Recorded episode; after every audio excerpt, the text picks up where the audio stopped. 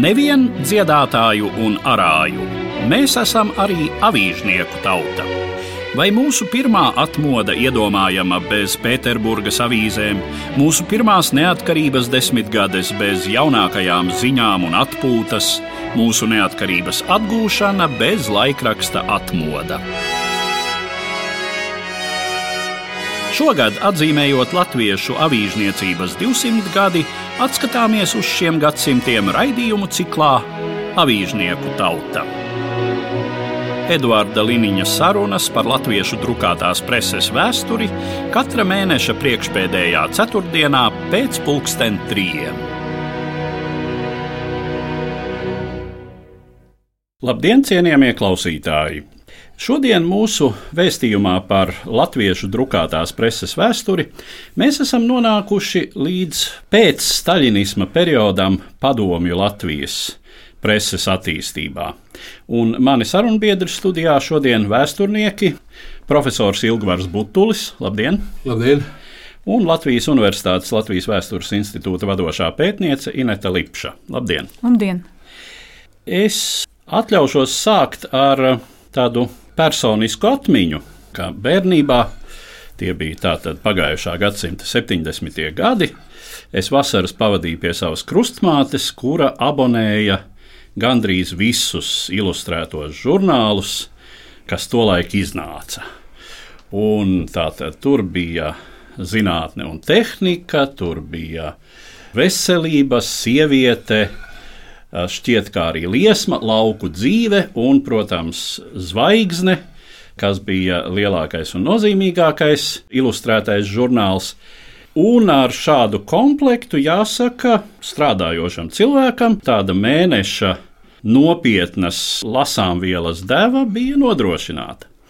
Šī preses ainava, kurā ļoti nozīmīga vieta bija šiem ilustrētajiem žurnāliem, izveidojās pagājušā gadsimta 50.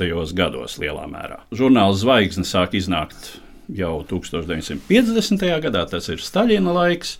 Un tad 50. gadu otrā puse, 50. gada nogale, 60. gads, 60. gadā parādās zinātne un tehnika, žurnāls Liesma šķiet 58. gadā, veselība arī ap to pašu laiku.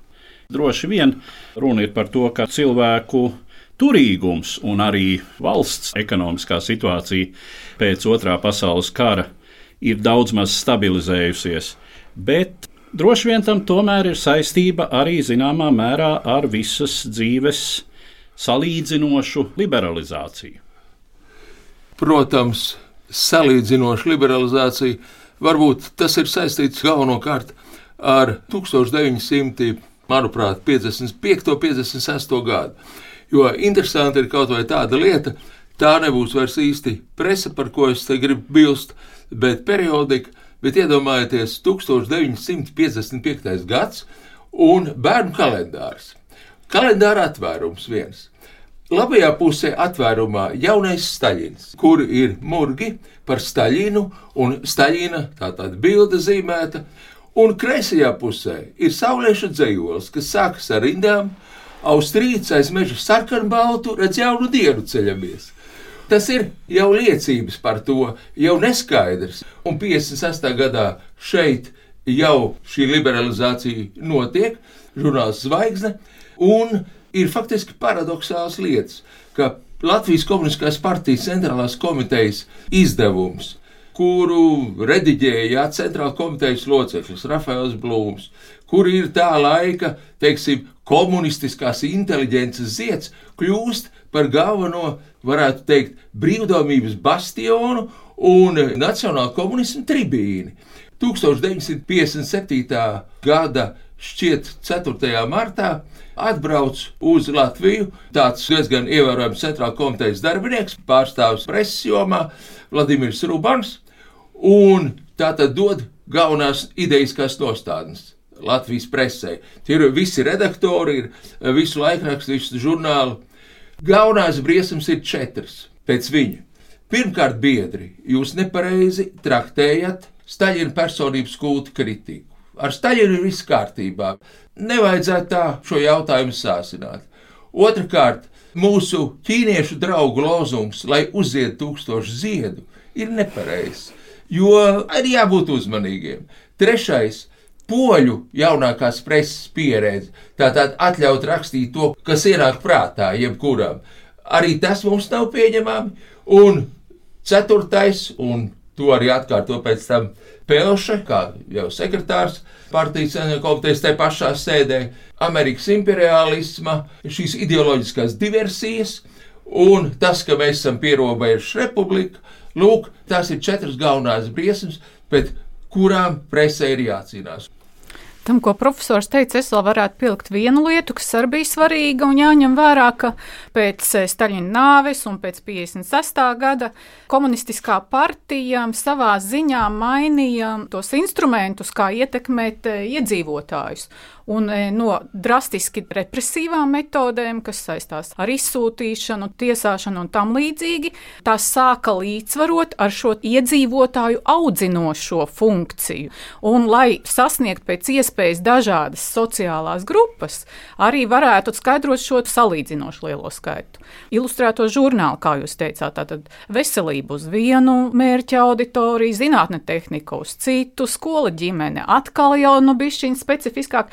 Kā mēs zinām, e, lasot žurnālus, cilvēki nodarbojas ar pašdisciplinēšanu. Viņi rod kaut kādus priekšstatus, kam viņi gribētu atbilst, un sevi disciplinē. Turpat valsts varai vairs nav jāiejaucas. Ja es atceros šo tā laika presi, un tā jau tāda bija arī faktiski līdz pat Padomju Savienības norietam, avīzes bija tomēr salīdzinoši daudz lielākā mērā piesārņotas ar tīri ideoloģisku materiālu. Tur ļoti bieži pirmajās lapusēs bija kārtējais centrāla komitejas ģenerāla sekretāra laikā, kad es lasīju Biedra Brežņeva referāts, kā tos toreiz sauca palagi. Tos lasīja tikai tie, kam nu nelaimīgā kārtā tas bija jādara, piemēram, skolā politinformatori kuriem vajadzēja sagatavot un klasē celt priekšā svarīgāko izvilkumu. Un tad jāsaka, jo tālāk tas jau attiecās gan uz avīzēm, gan uz žurnāliem, jo tālāk no pirmajām lapusēm, jo tur vairāk varēja būt kaut kas tīri izklaidējošs, kas noslēdzās ar karikatūru lapusi. Bija daļa literatūra, kur tajā laikā jau arī tas tēmu lokus bija salīdzinoši kļuvis tāds cilvēcīgāks.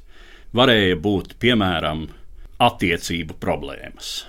Nevis kaut kāda plakātiska padomju paraugu ģimene, bet tā laika literatūra jau pieļāva to, ka ir pieaugušiem cilvēkiem attiecības ārpus ģimenes, gadās mīļākie, gadās sāņsoļi.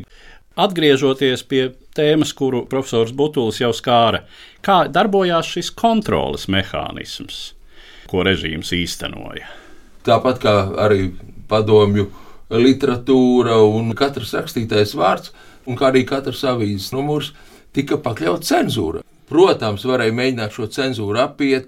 Ļoti liela nozīme bija ezopu valodai attapībai un izdomāja. Zvaigznes apsprieda divreiz speciālā centrālā komitejas birojas sēdēs 57. un 59. gadā. Un Pelšs sūrojās un lamāja zvaigznes redaktoru. Rafaelu Blūmu, kas tas ir? Viņš teica, kā jūs dodat šos tekstus? Jūs parakstiet zem nepieņemamiem attēliem, tā ka jūs nevarat kritizēt. Nu, piemēram, toreiz daudz runāja par sievietes ķermeņa liriku. Un, lūk, piemēram, rāda vienu puskailu indonēzieti, un apakšā ir paraksts, ko zvaigznes attiecīgie vīriņi ir parakstījuši. Indonēzija strauji ceļ sociālismu. Nu, kas pret to ir iebilstams? Mēģinot rādīt vairāk ārzemes ar tādu nolūku, lai lasītājiem būtu skaidrs paralēlis, lai viņš meklētu un lai viņš atrastu. Bez tam zvaigzne centās un arī tas viņai lielā mērā izdevās rast tādu demokrātisku kontaktu ar lasītāju. Jauna valoda tā bija. Nevis tā tad šī kroņa valoda, dogmatiskās frāzes, bet šeit draudzīgi. No pagātnes preses lapusēm. 1958. gada septembrī žurnāls Zvaigzne publicēja autores Lāces aprakstu par ceļojumu uz vispasaules izstādi Beļģijas galvaspilsētā Briselē. Autobus apstājas. Esam atbraukuši. Durvis paveras, un mēs izbirstam laukā. Ja jūs man jautātu, kāds bija mans vispirmais iespējas, es nešaubīgi atbildētu - ļaužu jūra. Mēs saplūstam kopā raibot cilvēku straumi, mūsu balsis sajaucas ar simtām svešu balsu, katrs runājam savā valodā, un neviens nebrīnās, ka tepat līdzās skan gan dzirdētas, gan arī gluži svešas, nekad nedzirdētas skaņas. Mums pretīm nāk jaunieši bronzas krāsas sejām, bet tur ziemeļniece linu matiem. Neviļus atskatos un redzu, ka to dara arī citi. Mums garām paiet jauna nēģeriete, it kā melnā marmorā izkaltu seju, pleciem, rokām. Mani pārsteidz šis neparastais skaistums. Esam taču pieraduši nēģers iedomāties biezām lūpām, plakaniem deguniem, sprogainiem matiem, bet te īsts neviltots skaistums, seja augums, kas iespiežas atmiņā un ko neaizmirst. Vai gan iespējams pieminēt un aprakstīt visus šos ļaudis, kas gadījās mūsu ceļā?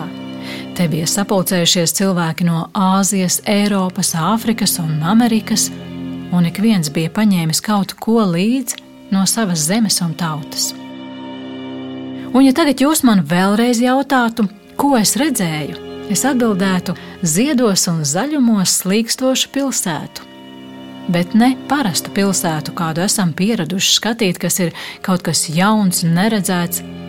Nekur ne lielajās, ne mazajās celtnēs nejūta akmens un ķieģeļu smagumu. Pat dzelzbetona veidojumiem piemīt formu vieglums. Cilvēki nav centušies ievērot noteiktas formas, valda formu un līniju dažādība. Dominē gaisma, vieglums, vienkāršība. Un viss tas veidots no stikla, alumīnija, tērauda, plastmasas, koka, keramikas, bet kopumā jauns, neredzēts, grandios. Tendence ir tāda, tai nacionāli komunistiski orientētai presei, ka šajā murgānajā komunismā ar viņu diezgan stūbo un dogmatisko presi iekārtot savu latviešu saulaino stūrīti. Ilūzija, kas tā būtība, un tā varēja ilgt tikai tik ilgi, kamēr bija līdzsvars spēku samērā Latvijas Komunistiskās partijas centrālajā komitejā. Un 59. gadā, kad šis spēku samērs jau vairs nebija, tad tas nebija iespējams. Jā, lai gan, ja mēs pavērojam to, kas notiek padomju Latvijas presē pēc 59. gada, pēc tās saukto nacionālu komunistu izvajāšanas no centrālajiem partijas un administratīvajiem amatiem, prese zināmā mērā joprojām paliek brīvdomības patvērums. Protams, tādi eksperimenti, kas notika 50. gadu otrajā pusē, tādas vaļības, Toreiz taču presē parādījās zināma polēmika par pļaviņu, hes celtniecību un ar to saistītos staburaga pazušanu zem ūdens. Mēģināja taču pat publicēt Anšlava Eglīša aprakstus par Savienotajām valstīm. Neierastā Amerikā. Bet šķiet, izgāja cauri viens vai divi. Divi. Neizgāja cauri divu apstākļu dēļ. Pirmkārt, tas, ka zvaigznes redakcija bija to darījusi, nesaskaņojot ar Pelši. Un Pelšs to arī norādīja. Tātad šādu darbu publicēšana vai nepublicēšana nav redakcijas jautājums, bet tas ir politisks jautājums. Redaktors tomēr viņš ir melns un maziņš, to izšķir Pelšs. Un otrs, ka Tur bija tāds ievadams pirms šīs publikācijas, ka, nu, lūk, viņi taču ir mūsu tautas daļa. Un Pelša tajā biroja sēdē teica, Viņi nav nekāda tautas daļa, viņi ir tautas atkritumi. Visam bija tāda šī baismīgā politizācija cauri. 59. gads Latvijā bija unikāls. Tur paralēļu īsti ne Lietuvā, ne Igaunijā nebija šādai nacionāli domājošo komunistu izvajāšanai. Un droši vien tas, ka tomēr līdzās bija šīs divas Baltijas toreizējās padomju republikas, arī zināmā mērā noteica tādu kontekstu, ka nu, nevarēja griezt atpakaļ totāli tādā staļinismu virzienā, un droši vien kaut kādu fonu jau radīja arī padomju satelītu valstu prese. Jā, un faktiski bija tā, ka zvaigzne lielā mērā savu ilustratīvo materiālu, kur rādīja, teiksim, ārzemes, jo toreiz kaut kāds franču, angļu vai amerikāņu žurnāls, jebkurš faktiski bija nepieejams. Tā tad palika kas demokrātiskās Vācijas, kur saprata arī valodu, tie, kas tur lasīja, Demokrātiskā Vācija, Polija, Čehoslovākija. Jo tiem tā presa bija tomēr drusku savādāk, un no tiem ņēma un pārpublicēja, piekombinēja savus tur tos tekstiņus, un tādā veidā centās rādīt to pasauli. Bet, ja mēs par žurnālu veselība un par to, ko jūs jau minējāt, par Polijas, Čehoslovākijas vizuālā materiāla ietekmi, tad runājot par žurnālu veselību, jāsaka, ka jau no 60. gadu vidus veselība pārpublicēja poļu un čehu seksologu darbus, kas uz seksualitāti skatījās tādā holistiskā, vispārinošā skatījumā, atšķirībā no amerikāņiem, kur koncentrējās vairāk uz fizioloģiju. Tāpēc tika uzsvērts šis kultūras aspekts, psiholoģiskais aspekts un tam līdzīgi. Es savā ziņā varētu teikt ļoti modernu uzskatu savam laikam. Ja mēs skatāmies uz to, ko drīkstēja, ko nedrīkstēja, tad par žurnālu veselību ir grūti spriest, jo man šķiet, ka galvenās literatūras pārvaldes nolikumos par seksualitāti šķiet nekas nav teikts vispār. Un e, liela ietekme tā tad noteikti ir bijuši pašu žurnāla redaktoru pašcensūras līmenim, brīvdomības līmenim, un žurnālam veselība varētu teikt, ka tas Latvijas kompartijas centrāla komitejas biroja stingrais pirksts, acīm redzot, ir ticis mazāk klāt. Bet tieši šīs specifikas dēļ, vai ne? Dēļ. Pakļaujoties tam partijas uzstādījumam, ka mēs padomju cilvēku audzināsim uz zinātniskiem pamatiem faktiem. Ir jau 60. gadu sākumā padomju sociologu pētījumi par padomju cilvēku seksuālo uzvedību. Sergeja Golada, piemēram, pētījumi. Caur šiem sociologu pētījumiem populārajā presē ienāk tādas it kā tabū tēmas, un viņi jau runā salīdzinoši brīvi un atklāti. Un tādā veidā aiziet šī tradīcija, kas ir viena no, protams. Protams, tā presa ir dinamikā. Viena lieta ir 50. gadi, un tomēr citu, ko jau var atļauties kaut kur, kas jau ir iestrādājies 70. gados, nemaz nerunājot par 80. Bet man liekas, sevišķi tracināja kontrolas tās instances un arī to oficiālo partijas virsotni. Tas, ka, piemēram, tika kaut kādā mērā pieminēta un kaut kādā mērā popularizēta Savienotās valstis. Tas ir taisnība tas pats, kas šodien Krievijā. Ja piemin Savienotās valsts, tas ir viss ļaunums sakna. Un toreiz arī bija tāds pavisam neliels stāstījums, Džons Steinbecks uz pusotru lapus. Stāstījuma saturs bija tāds, ka viens čalīts sūkā košļājamo gumiju, un tā košļājamā gumija atdzīvojās. Ārprāts, centrālās komitejas birojas sēdē runā par to, kā tas ir un cik tas ir neiedzīgi, jau ko imperialisti mēģina mums iesmērēt. Te ir būtiski zināt aspektu, ka Padomju Savienībā toreiz košļājamo gumiju neražoja. Un tas bija kapitālisma simbols negatīvā nozīmē. Coca-Cola, košļājamā gumija. Ārkārtīgi tika kritizēts tas, nu, bet zvaigznes darīja ar ko varēja. Ārzemju zinātnes un tehnikas sasniegumu popularizācija. Un ar bildēm Un tolaik tas patiešām bija iedarbīgi. Nu, ņemsim vērā, ka tie zvaigznes redaktori, līdzstrādnieki, Evalds Vilks, Laimons Pūrs, viņiem visiem bija autiņi. Viņi bija automobīlisti, viņi bija vīri tādos spēka gados, viņiem viss patika. Oh, amerikāņu mašīnas. Un tās bildītas, kādas no viņas bija, ja nevarēja amerikāņus, tad noteikti ielikt vai nu čehu vai vācu kāds tehnikas sasniegums. Un, piemēram, ielikt tā laika Tatars jaunais modelis un zvaigznes redaktors Rafaels Blūms. Nu, Tatra, vienreizēja mašīna. Un nav jau šaubu, ka visdrīzākā laikā viņi arī būs pie mums. Kurā vietā viņi varēja būt pie mums. Bet tā bija patiešām no sirds. Jā. Viņš ar tādu ebrejiski aizrautību to arī klāstīja. Tās, protams, bija ilūzijas, bet cilvēkam ārkārtīgi patika. Jo cik populāra bija zvaigzne 56. gadā, metiens 40,000, 57. gadā sākot 170,000. Jūsu piesauktajai tēmai jau ļoti pastāvīgi pievērsās žurnāla zinātne un tehnika kur arī nu, runāja par tā laika tehnoloģijas sasniegumiem, Protams, tur bija ļoti daudz par tām jomām, kurās Padomju Savienībai bija kaut kāda sasnieguma, un toreiz kosmos, kosmisko lidojumu tehnika, bet, protams, tur rakstīja arī par uh, rietumos atrasto, atklāto.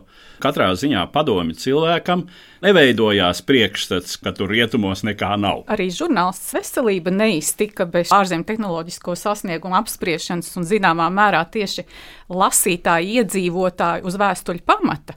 Un runa ir par 66. gadu, no žurnāla Times, padomju Krievijā, šķiet avīze saucās Medicīniskajā gazeta vai kāda no medicīnas avīzēm bija pārpublicējusi rakstu, ka Amerikā iedzīvotāji ļoti labprāt un daudz izmanto orālās kontracepcijas tableti. Un, protams, ka padomju iedzīvotāji šo izlasījuši, raksta žurnālam Veselība vēstules, kāpēc mums nekā tāda nav. Un tas, kā tiek skaidrots, kāpēc pagaidām padomju Savienības iedzīvotāji iedzīvotājiem šis tehnoloģisks brīnums nav pieejams, ir tas, ka Padomju Savienība piesardzīgi skatās uz to, kādu ietekmi medikamenti varētu atstāt uz iedzīvotāju veselību, un kamēr mēs nebūsim pārbaudījuši un tam līdzīgi, tikmēr būs jāiztiek ar jau pieejamiem līdzekļiem. Es gribētu teikt, ka tie tehnoloģijas sasniegumi, ka cilvēki jau pa viņiem kaut kādā mērā uzzināja agri vai vēlu, un interesants ir, protams, tās reakcijas. Kad diezgan satricināti varētu būt cilvēki toreiz rakstījuši un kāpēc mums nav un viņiem ir. No pagātnes preses lapusēm. Žurnāla Veselība 1967. gada 5. numurā rakstā pretapogļošanās līdzekļi medicīnas zinātņu kandidāts Nikončiks raksta, kā izvairīties no nevēlamām dzemdībām. Medicīnai jau sen pazīstama operācija aborts bet tikpat ilgi zināms arī tās kaitīgums sievietes veselībai. No aborta katrā ziņā jāizsargās. Ja sieviete nedrīkst kādu laiku dzemdēt veselības stāvokļa vai kādu citu pamatotu iemeslu dēļ, tad jāizmanto pretāpauguļošanās līdzekļi. Reizēm dzīvesbiedri uz šo ārstu padomu raugās skeptiski, kam tas vajadzīgs, tik un tā nepalīdzēs. Tiesa, Simtprocentīgi efektīvu pretāpauguļošanās līdzekļu pašreiz nav, un tie paši skeptiķi uztraucas. Kā tas var būt, ka mūsu gadsimtā, varanās tehnikas un kosmisko lidojumu laikmetā nevar radīt profilaktiskos līdzekļus? Lieka uztraukšanās. Pat kosmiskā raķete, lai arī cik tā būtu sarežģīta un apbrīnojama, nav salīdzināma ar cilvēka organisma komplicētību. Daba ļoti drosmīgi radījusi un atšifrējusi cilvēces turpināšanas mehānismu, un pārtraukt šo mūžīgo dzīvības procesu nav tik vienkārša lieta. Pēdējā laikā lielu interesi sievietēs izraisīja ziņojumi presē par ārzemēs lietotajām aizsargtabletēm. Pirmajā brīdī tiešām radās kārdinājums - vienkārši, estētiski, droši taču šo līdzekļu rūpīga izpētīšana parādīja pretējo. Šīs tabletes satur hormonus dažādos savienojumos, kas darbojas uz dzimumdziedzeriem. Hormoni ir līdzekļi, ar kuriem jāpietas ļoti uzmanīgi. Par iekšķīgā hormonālā līdzsvara traucējumiem nereti dārgi jāsamaksā.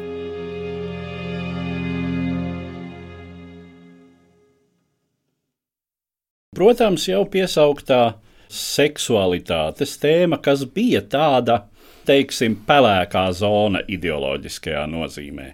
Jo no vienas puses Padomju Savienības ideoloģizētajā varas vēstījumā bija diezgan liels tāda puritānisma elements. Seks, tas, protams, kaut kur pastāv, bet tam visam ir jāiekļaujas padomju cilvēka morāles rāmī. Katrā ziņā seks kā mīlestības jūtu turpinājums un sastāvdaļa, bet ne kā vērtība pats par sevi. Jo tika ieskatīts, ka tas ir raksturīgs rietumiem, ka tur ir seks bez mīlestības, ir seks kā baudas avots un nekas vairāk. Protams, pat šī tēma ir tik sarežģīta, un tur jau gandrīz vai tā, ka ja to džinu palaiž no pudeles ārā, tad attiecīgi tas viss bija nu, līdz galam nekur neizkontrolējams droši vien. Runājot par žurnālu veselību, ko es labāk zinu savas tēmas specifikas dēļ, tikai 70. gadu beigās notiek tā testēšana ja, laika gaitā, kas 82. gadā aizvedīs līdz zālīšu grāmatas zīmējumiem.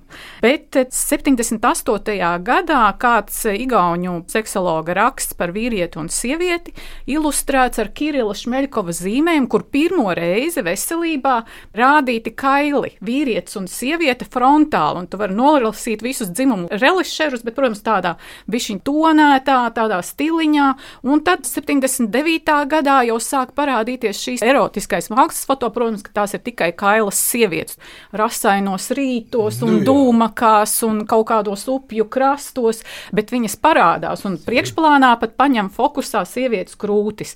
Un tas tā tad ved jau mums uz to, kāpēc bija iespējams, un 81. gadā zālīšu pirmajā izdevumā mums ir gleizda erotiskie foto, bet 82. otrais papildinātais izdevums nāk tehniski zīmējumi. Jā, Zālīša darba publikācija, darbs atklāti par laulības dzīvi. Un tehniski attēli, nu, tās ir dzimuma aktu pozas.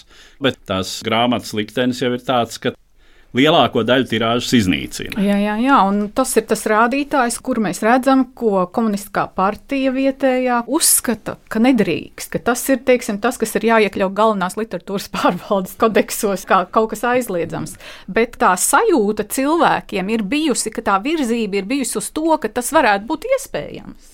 Kas bija tas, kas ļāva šai presei nākamajā vēsturiskajā posmā, kas jau ir atmoda, veidot šo uzrāvienu, kas tad rezultējās ar atmodu, Latvijas valstiskumu atjaunošanu, Padomju Savienības sabrukumu. Jau 80. gadu sākumā ja mēs runājam par tādu kā ģimenes problēmu apspriešanu, kas visu laiku ir novirzīta uz šiem nišas žurnāliem, 80. gadu sākumā to pārņem jau valsts nozīmes laikraksts. Nu, te mēs runājam piemēram par padomu jaunatni, kur 81.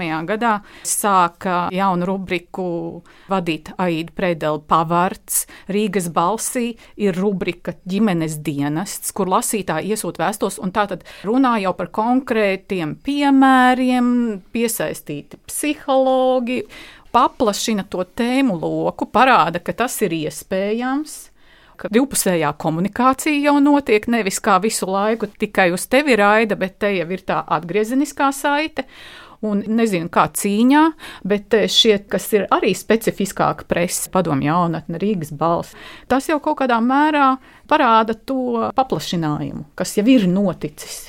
Presē tāpat kā mākslā, kultūrā, kā zinātnē, katrs jauns periods jau balstās uz uz iepriekšējā perioda pleciem. Es atceros, nu, mana paudze varbūt drusku vecāka. Mēs taču guvām tādas fundamentālas priekšstats un arī zināšanas par Latvijas laiku. Tas bija kā likums, žurnāls atpūta. Viņš bija gan iz katrā lauku mājā kaut kur.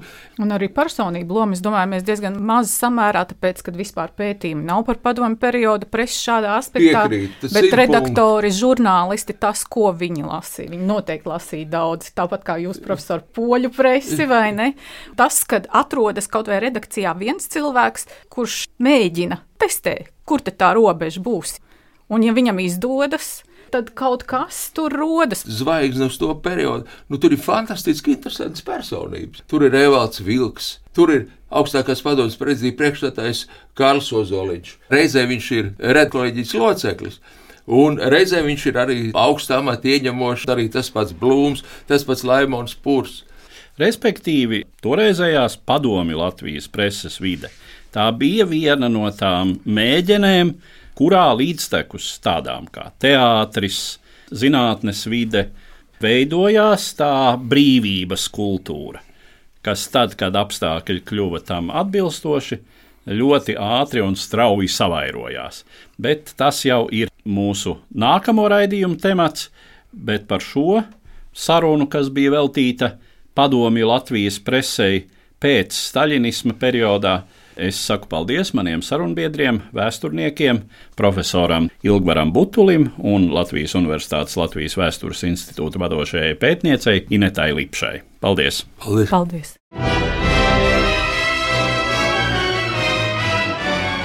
Jau 200 gadus mums, latviešiem, ir savas avīzes, kas mūs daudzējādā ziņā veidojušas un vadījušas. Atskatāmies uz latviešu avīžniecības diviem gadsimtiem raidījumu ciklā Avīžnieku tauta. Eduarda Liniņa sarunas par latviešu drukātās preses vēsturi katra mēneša priekšpēdējā ceturtdienā pēc pulksten trījiem.